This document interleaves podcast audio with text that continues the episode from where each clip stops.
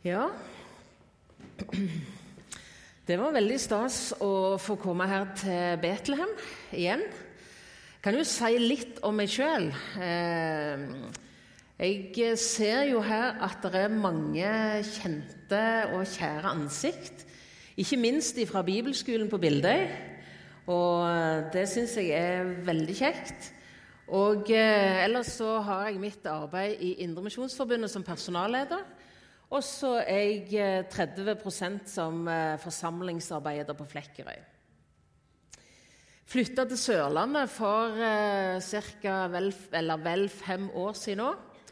Jeg kan jo bare betro dere at eh, Ragnar og jeg hadde bryllupsdag på fredag. Så alle som har lyst til å gratulere med det, de kan stille seg i kø etterpå.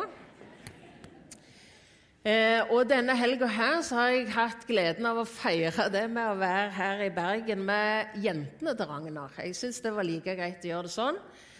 Eh, de har tatt godt imot meg, og vi har, eh, hatt, ei, eh, vi har liksom hatt en tur sånn eh, eh, inniblant.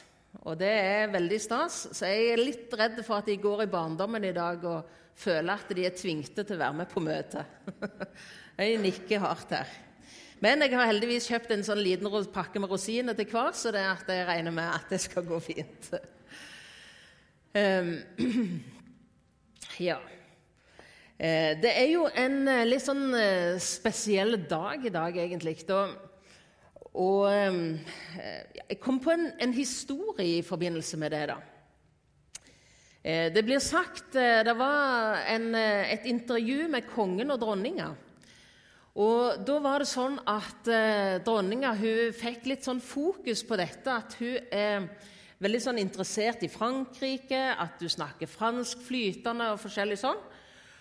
Og så henvendte journalisten seg til kongen, og så sier han eh, Si meg, snakker kongen òg fransk? Nei, sa kongen, det gjør jeg ikke. Eh, og så ser dronninga på han og sier med et lite smil det er aldri for seint å begynne.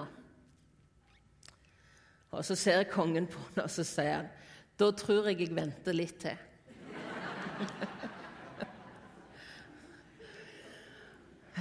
og Når det gjelder bots- og bededag, så tror jeg at det kan være litt sånn kjent det der med at da venter jeg litt til. Det er jammen ikke alltid så, så lett å, å gå den veien at man erkjenner situasjonen og ta konsekvenser av det. Det er en eh, krevende sak for store og små. Jesus, jeg bare ber om eh, din fortsatte velsignelse. Og så har jeg lyst til å be om det, Jesus, at du er her med din ånd. Og så du som er rik nok for alle. Her er det mange verdifulle mennesker, Jesus. Enkeltmennesker som du kjenner til bunns. Takk for de som er på søndagsskolen. Jesus, nå ber vi om at du som er rik nok for alle Nå gjør du det underet, Jesus, at du lar ditt lys skinne inn i våre liv. Lyset som avslører og som dømmer, og lyset som befrir. Amen. Ja, Da leser jeg eh, teksten fra 1. Johannes brev kapittel 1 og fra vers 8. Det var helt sikkert noen som trong det du leste, Reidun, så det skal du bare være frimodig på. Ja. Så det er ikke noe stress. 1. Johannes 1 fra vers 8. Dersom vi sier at vi ikke har synd, da bedrar vi oss selv, og sannheten er ikke i oss. Dersom vi bekjenner våre synder, er Han trofast og rettferdig, så Han forlater oss syndene og renser oss fra all urettferdighet. Dersom vi sier at vi ikke har syndet, så gjør vi ham til en løgner, og hans ord er ikke i oss. Mine barn, dette skriver jeg til dere for at dere ikke skal synde. Og hvis noen synder, har vi en talsmann hos Faderen, Jesus Kristus den rettferdige. Og han er en soning for våre synder. Og det er ikke bare for våre, men også for hele verdens. bods- og bededag. Lyset ifra himmelen. Og eh, Det blir jo av og til sagt om forkynnere at de leser en tekst for så aldri å komme tilbake til den. Eh, nå kan det hende at noen av dere får den opplevelsen i dag.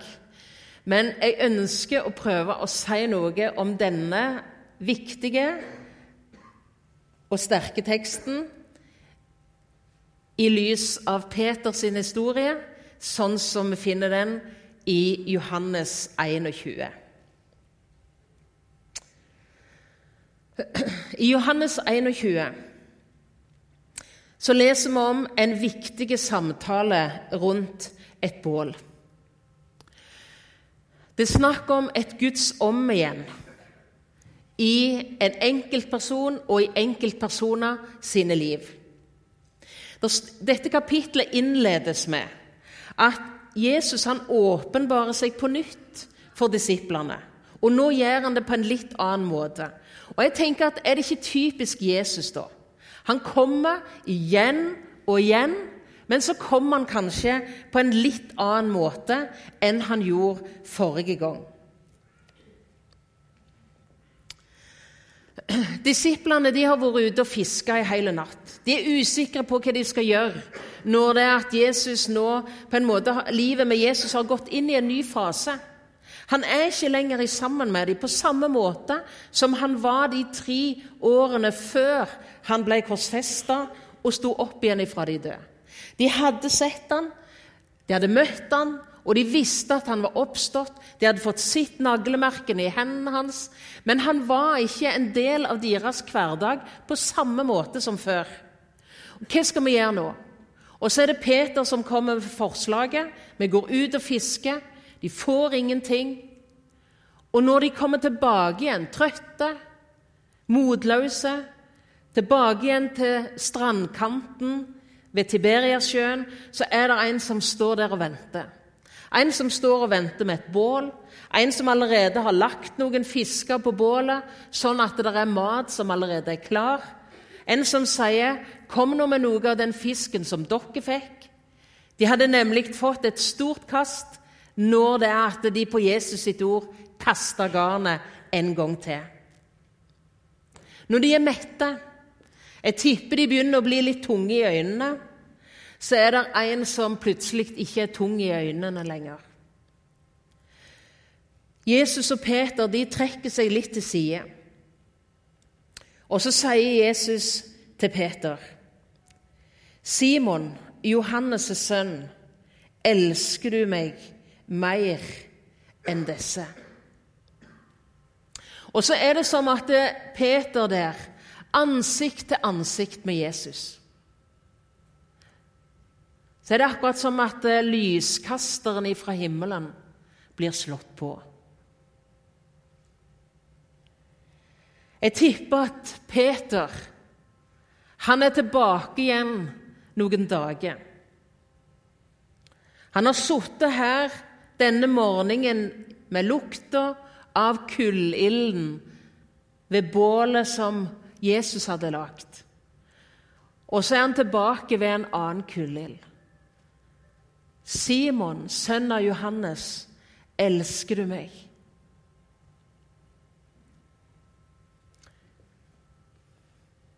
Da var ikke atmosfæren varm. Da var det ikke godt å være Peter. Da var det natt. Det var kulde. Det var mørke.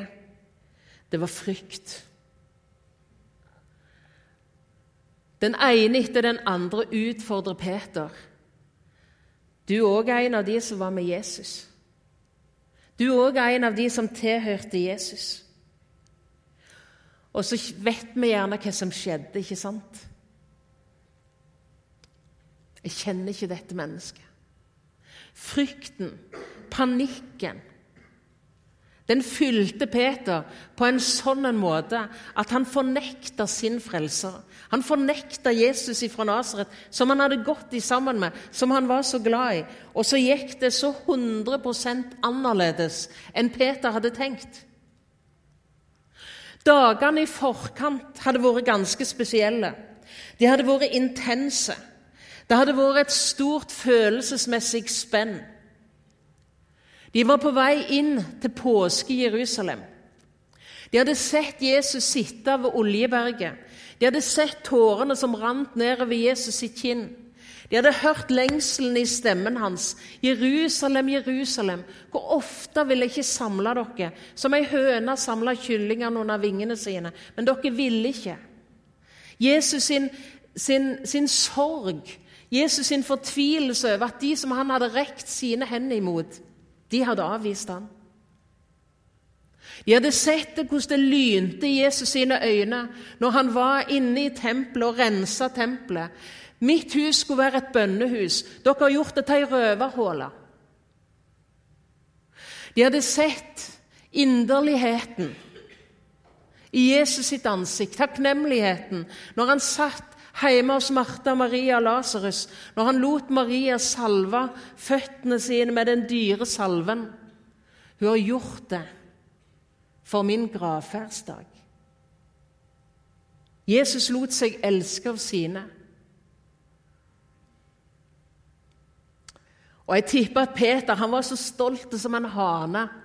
Han gikk sikkert så nær eselfolen som han bare kunne når Jesus rir inn i Jerusalem på palmesøndag. Dette er min Jesus, jeg er hans venn. Hosianna-ropene, palmegreinene, kongen. Og det var stas å være Jesus sin venn. Kjærligheten, nærheten og fellesskapet som han hadde opplevd når han delte påskemåltid med Jesus. Vel hadde det vært litt pinlig når Jesus bøyde seg ned for å vaske beina deres. Og Peter hadde kjent på at når Jesus kom til han, så sier han Jesus, dette blir helt feil. Det er ikke du som skal vaske mine bein, det er jo jeg som skal vaske dine. Sånn må det være, Peter. Hvis ikke så har du ikke del i meg. Og da må du vaske mer, Jesus. Da må du vaske hendene og hodet òg. Det er ikke nødvendig, Peter. Det er beina dine som har blitt skitne av veien du har gått i dag. Jesus sitt alvor når han sier en av dere skal forråde meg. Jesus sitt alvor når han sier dere skal svikte meg alle. Og Peter han kjenner jo ikke sant, hvordan det på en måte blir alt av motstand inni ham. Aldri i livet, Jesus. Om alle andre svikter deg Jeg skal aldri fornekte deg. Det skal ikke skje, Jesus. Aldri. Om jeg så må dø med deg, Jesus, her har du en du kan stole på. Før hanen gale skal du ha fornekta meg tre ganger, Peter. Og jeg syns jeg ser frustrasjonen i Peters ansikt. De synger lovsangen når de har spist påskemåltidet. De går ut nedover langs Kedrondalen, over Kedronbekken, inn i hagen som de så ofte hadde vært i. Det er natt, og de opplever noe. Og Peter ser noe hos Jesus som han ikke har sett før. Han kjenner hvor trøtt han er. Han kjenner hvordan øynene bare detter igjen når han sovner der han sitter ved siden av Jakob og Johannes, som fikk være med, litt, være med Jesus litt lenger inn i hagen. Og så skjer det som ikke skulle skje. Plutselig så er det en gjeng med soldater der. Plutselig så er Judas der. Plutselig så blir Jesus sine hender bundet. Plutselig så er det akkurat som at det mørket bare klemmer seg igjen. Det var ikke mye hosianna-rop, det var ikke mange palmegreiner, det var, ikke, det var ingen hyllingsrop. Peter ser ryggen av Jesus forsvinne imot ypperstepresten sitt hus. Han følger etter langt bak. Og så skjedde det fatale. Johannes, som var kjent med ypperstepresten, sier til dørvakten du kan slippe inn Peter. Så sitter han der og varmer seg. Og så har det blitt så forandra. Så har det blitt så forandra. Så annerledes enn tenkt. Hvor gikk du hen, Peter? Når fallet var en realitet. Hvor gikk du hen? Det står ikke noe i Bibelen om det så det blir en fantasi.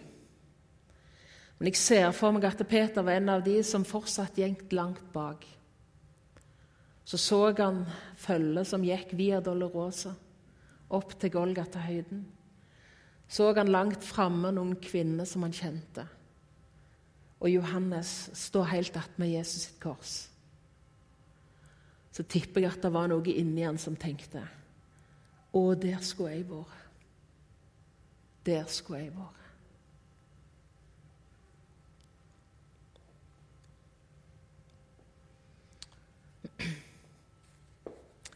Jeg tror ikke det er bare jeg som kan kjenne meg igjen i at det går annerledes enn tenkt. Jeg tror ikke det er bare jeg som kan kjenne meg igjen i at plutselig så avslører lyskasteren ifra himmelen Aud Karin, nå er det du. Peter han møtte Jesus sitt blikk når fallet var en realitet. Når han hadde banna på at han ikke kjente Jesus, så står det at Jesus snudde seg og så på Peter. Og du kan tenke deg, ikke sant? Du kjenner følelsen, ikke sant? Det raser bare så forferdelig. Tenk at jeg gjorde det. Tenk at jeg gjorde det.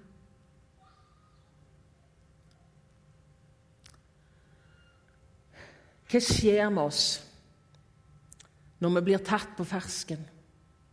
Eller hva skjer med oss når ting går annerledes enn vi hadde tenkt?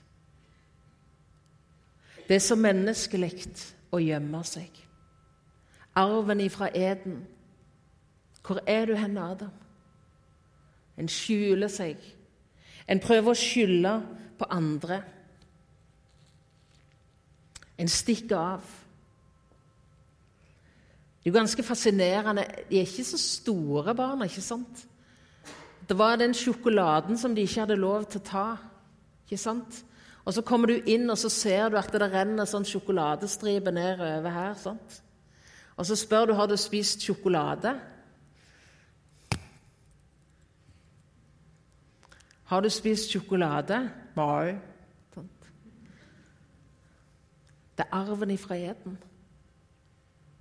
Og Vi kan godt smile av barn som gjør sånn, men hva gjør du? Hva opprydningsaksjoner, hva tildekningsaksjoner har du hatt i ditt liv? Hva har jeg hatt i mitt liv? Sier vi at vi ikke har synd? Sier vi at vi ikke har synd? Det er en ting å være enig i at vi er syndere, ikke sant? Men det at vi har gjort konkrete synder, det er noe helt annet. sant? Jeg har hørt om hun dama som vitna på vitnemøtet. Så reiste seg opp og sa «Å, jeg er en så stor synder. sa hun. Jeg er en så stor synder. Og Så snur predikanten seg og så sier han, 'Ja, det har jeg faktisk hørt.' Hvem har sagt det? Mm.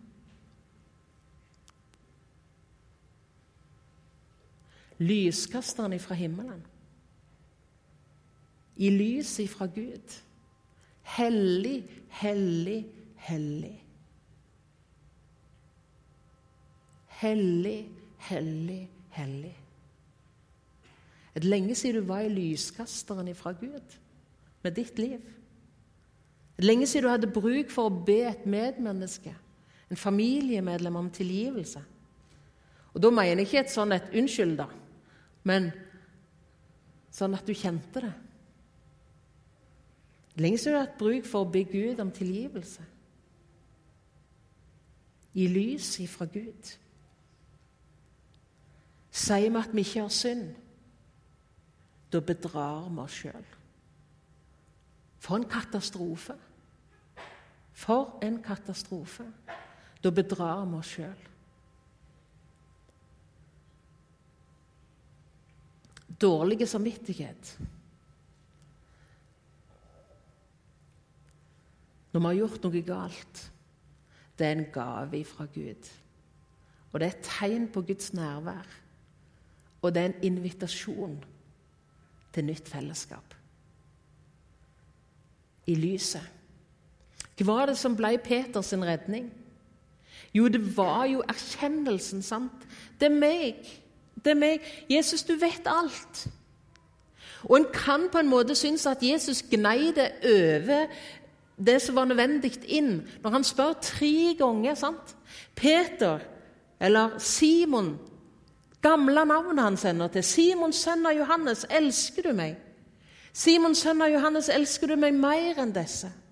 Simon, sønn av Johannes, elsker du meg? Var det nødvendig, Jesus? Kunne du ikke bare liksom gitt han et lite blink og så klappet han litt på skulderen og sagt at eh, Og liksom ikke tatt det opp, på en måte? Jeg tenker Det er Jesus sin invitasjon inn i frihet. Det er Jesus sin invitasjon inn i forløsning. Det er Jesus sin bekreftelse av at han fremdeles vil gi nye oppgaver. Eller at han skal forstå i de oppgavene som han hadde fått. Herre, du vet alt. Du vet at jeg har deg kjær. Lyset dømmer og avslører.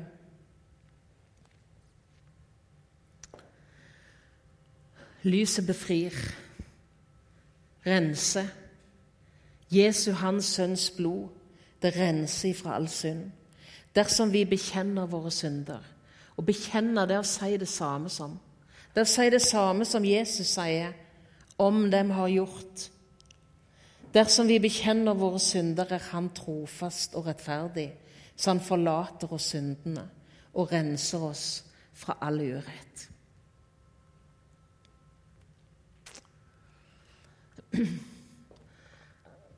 Og så leste vi til slutt fra 1. Johannes brev, kapittel 1 om han som er en talsmann, en soning.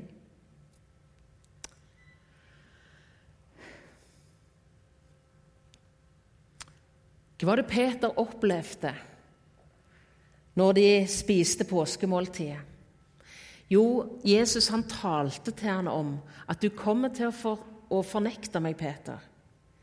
Men vet du, jeg syns det er litt fascinerende. Der står Men jeg ba for deg og så tenker jeg, hva tror du at Hva ville du bedt om for Peter hvis du var Jesus?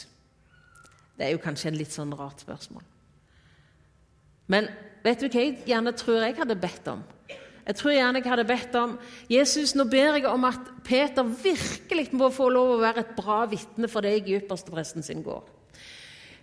Nå ber jeg virkelig om at eh, du må virkelig stå i denne situasjonen, Peter. Nå, det, nå, nå trenger jeg deg skikkelig. Jeg trenger deg som aldri før. Og nå trenger jeg at du heiser rent flagg, Peter. Hva står? Jeg ba for deg at trua di ikke måtte svikte. Jeg ba for deg at trua di ikke måtte svikte.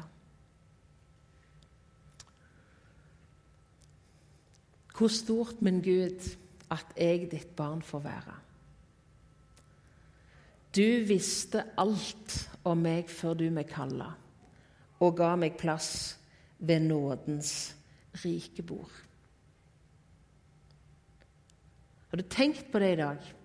At i dag, ja, denne dagen her altså, nå, så har du, så har jeg en talsmann en bror ved Guds side, som er min representant, som er min talsmann, som har naglemerke i hendene sine, og som retter disse naglemerkte hendene fram imot Faderen, og så sier han Alt er betalt. Alt er betalt. Alt er betalt.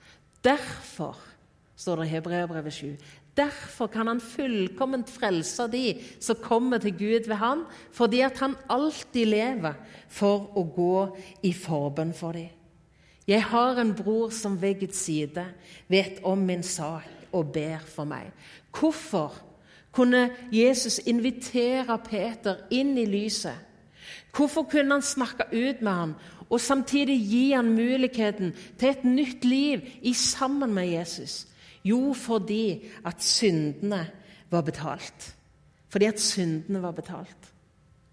Og så tenker jeg at det som ofte skjer når det er at det går galt for oss, når det går galt for meg, så tenker jeg nå må jeg prøve å ordne opp så godt jeg kan. Nå må jeg prøve å liksom kompensere på en eller annen måte. Og nå håper jeg at ingen får vite det som skjedde. Og jeg liksom skal iallfall prøve å, å ta meg ekstra i sammen. Vet du, Jesus sitt hjerte for de som det har gått galt for. Jesus sitt hjerte som har noe i ditt liv som, som har låst seg fast. Det er bare et inderlig ønske om å få snakke med deg. Det er bare et inderlig ønske at du kan si, erkjenne det sånn som det er. Si det sånn som det er. Og så vil han si det sånn som det er for han. For sånn det er for han. Dette har jeg betalt for. Jeg og Ragnar har ikke vært gifte så veldig lenge. Det er jo en stund, da. Men i alle fall så har vi vært gift så lenge at jeg vet forskjellen på en god stillhet og på en litt dårlig stillhet. Det tror jeg gjerne de fleste av dere som lever nær noen, òg vet forskjellen på. Den gode stillheten, ikke sant? Når vi gjerne bare sitter der en hel kveld og gjerne ikke sier et ord til hverandre. Jeg holder på å sulle med mitt, og Agnar han holder på å sulle med sitt. Men det er godt å være nær hverandre. Det er trygt. Det er avslappa. Og så er det andre ganger. Da er det ytre sett akkurat likt. Men så er det noe som dirrer. Det er noe vi må få snakket om. Det er ikke stas. Jeg må jo bare innrømme at Ragnar er flinkere til initiativ til å få tatt den samtalen enn jeg er. Men jeg er veldig glad når han gjør det. Fordi at nærheten trues. Tryggheten trues. Det avslappa, det gode, det nære, det trues. Vet du at Jesus han ønsker deg nær. Jesus han ønsker det åpent. Jesus han ønsker det fritt. Jesus han ønsker gleden og takknemligheten i øynene dine, og ikke frykten og reservasjonen og tilbakeholdenheten. Hils til Peter, dog især. Det var budskapet fra englene til Martha, til de som kom til grava, kvinnene. Og så er det vel Dubland som har lagd en sang, eller et vers. Hils til Peter, dog især, der han går og gråter. Si jeg har ham hjertens kjær, stakkars arme Peter. Si at synden er forlatt det er tilgivet at han falt. Si at jeg har glemt det alt. At Jesus elsker Peter. Det er så velkommen med det som har gått gale. Så ble det en ny begynnelse for Peter. Så ble det en ny vandring sammen med Jesus. Jesus som hadde forutsagt Peter sitt fall på den øvre salen, og Peter hadde så god tro på seg sjøl. Han forutsier noe fint om Peter i samtalen i Johannes 21.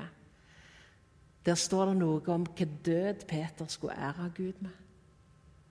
Det skulle skje noe nytt i Peters sitt liv. Den hellige ånds gjerning. En ny begynnelse, en ny vei sammen med Jesus. Han som er en soning for våre synder. Ikke bare for våre, men for alle i hele verden. Så er det vi som har fått nåden. Vi som har fått hørt av Jesus. Min nåde er nok for deg. Så skal vi få lov å gå til si til våre naboer, skal vi få lov å si til våre venner, skal vi få lov til å si til uansett hvem vi treffer. Tenk at det er sant. Uansett hvem du treffer, uansett hvor galt livet har gått, uansett hvor annerledes det ble enn det var tenkt, så kan Jesus så kan Jesus for det mennesket som snakker sant, som kommer inn i sannheten, som kommer inn i lyset, som lar Jesus rense og tilgi, så er det nytt håp. Min nåde er nok for deg. Ikke bare for våre, men for alle. Det er derfor byen trenger deg. Det er derfor familien, nabolaget, studieplassen trenger deg. Som Faderen har sendt meg, så sender jeg dere. Frelste syndere. Gå ut. Det er en frelse som er fullbrakt. Kanskje dere som synger, kommer fram nå. Eh, jeg vet at det ofte er sånn at det er tilbud om forbønn i forbindelse med søndagsmøtene. Så hvis dere som er forbedere, bare kommer fram, så er det òg veldig fint. Eller setter dere der dere pleier å sitte. Kanskje er det bak, eller er det framme? Ja. Dere vet det i alle fall. Velkommen til forbønn. Eh, velkommen òg til å komme fram og knele ved korset hvis du hadde kjent at det var riktig for deg i dag. Det kan være eh, en måte som du vil si til Jesus noe på, som er viktig for deg. Du kan si det til Jesus der du sitter, men av og til så er det en slags forløsning i å, å, å, å gjøre eh, noen sånne konkrete skritt. Men Jesus hører deg uansett. Men velkommen til å bøye deg for Jesus. Ta imot. Hans nåde nok. Velkommen til forbønn. Velkommen til å få lesse av noe som er ditt, eller noen som du tenker på. Jesus, vi står her for ditt ansikt. Du kjenner oss til bunns, Jesus. Du kjenner mitt liv. Jeg har bare så lyst til å be Jesus. Du renser det, Jesus. Og du setter meg i din frihet, Jesus. Han får lov til å oppleve den friheten, Jesus, som bare du kan gi inn i et menneske sitt liv. Du som sier, 'For Sønnen frigjort dere, blir dere virkelig fri'. Fri til et liv i etterfølgelse, glede, frimodighet og tjeneste. Takk, Jesus, for det du kan gjøre i syndige mennesker sine liv. Amen. Vær så god, og vær frimodig.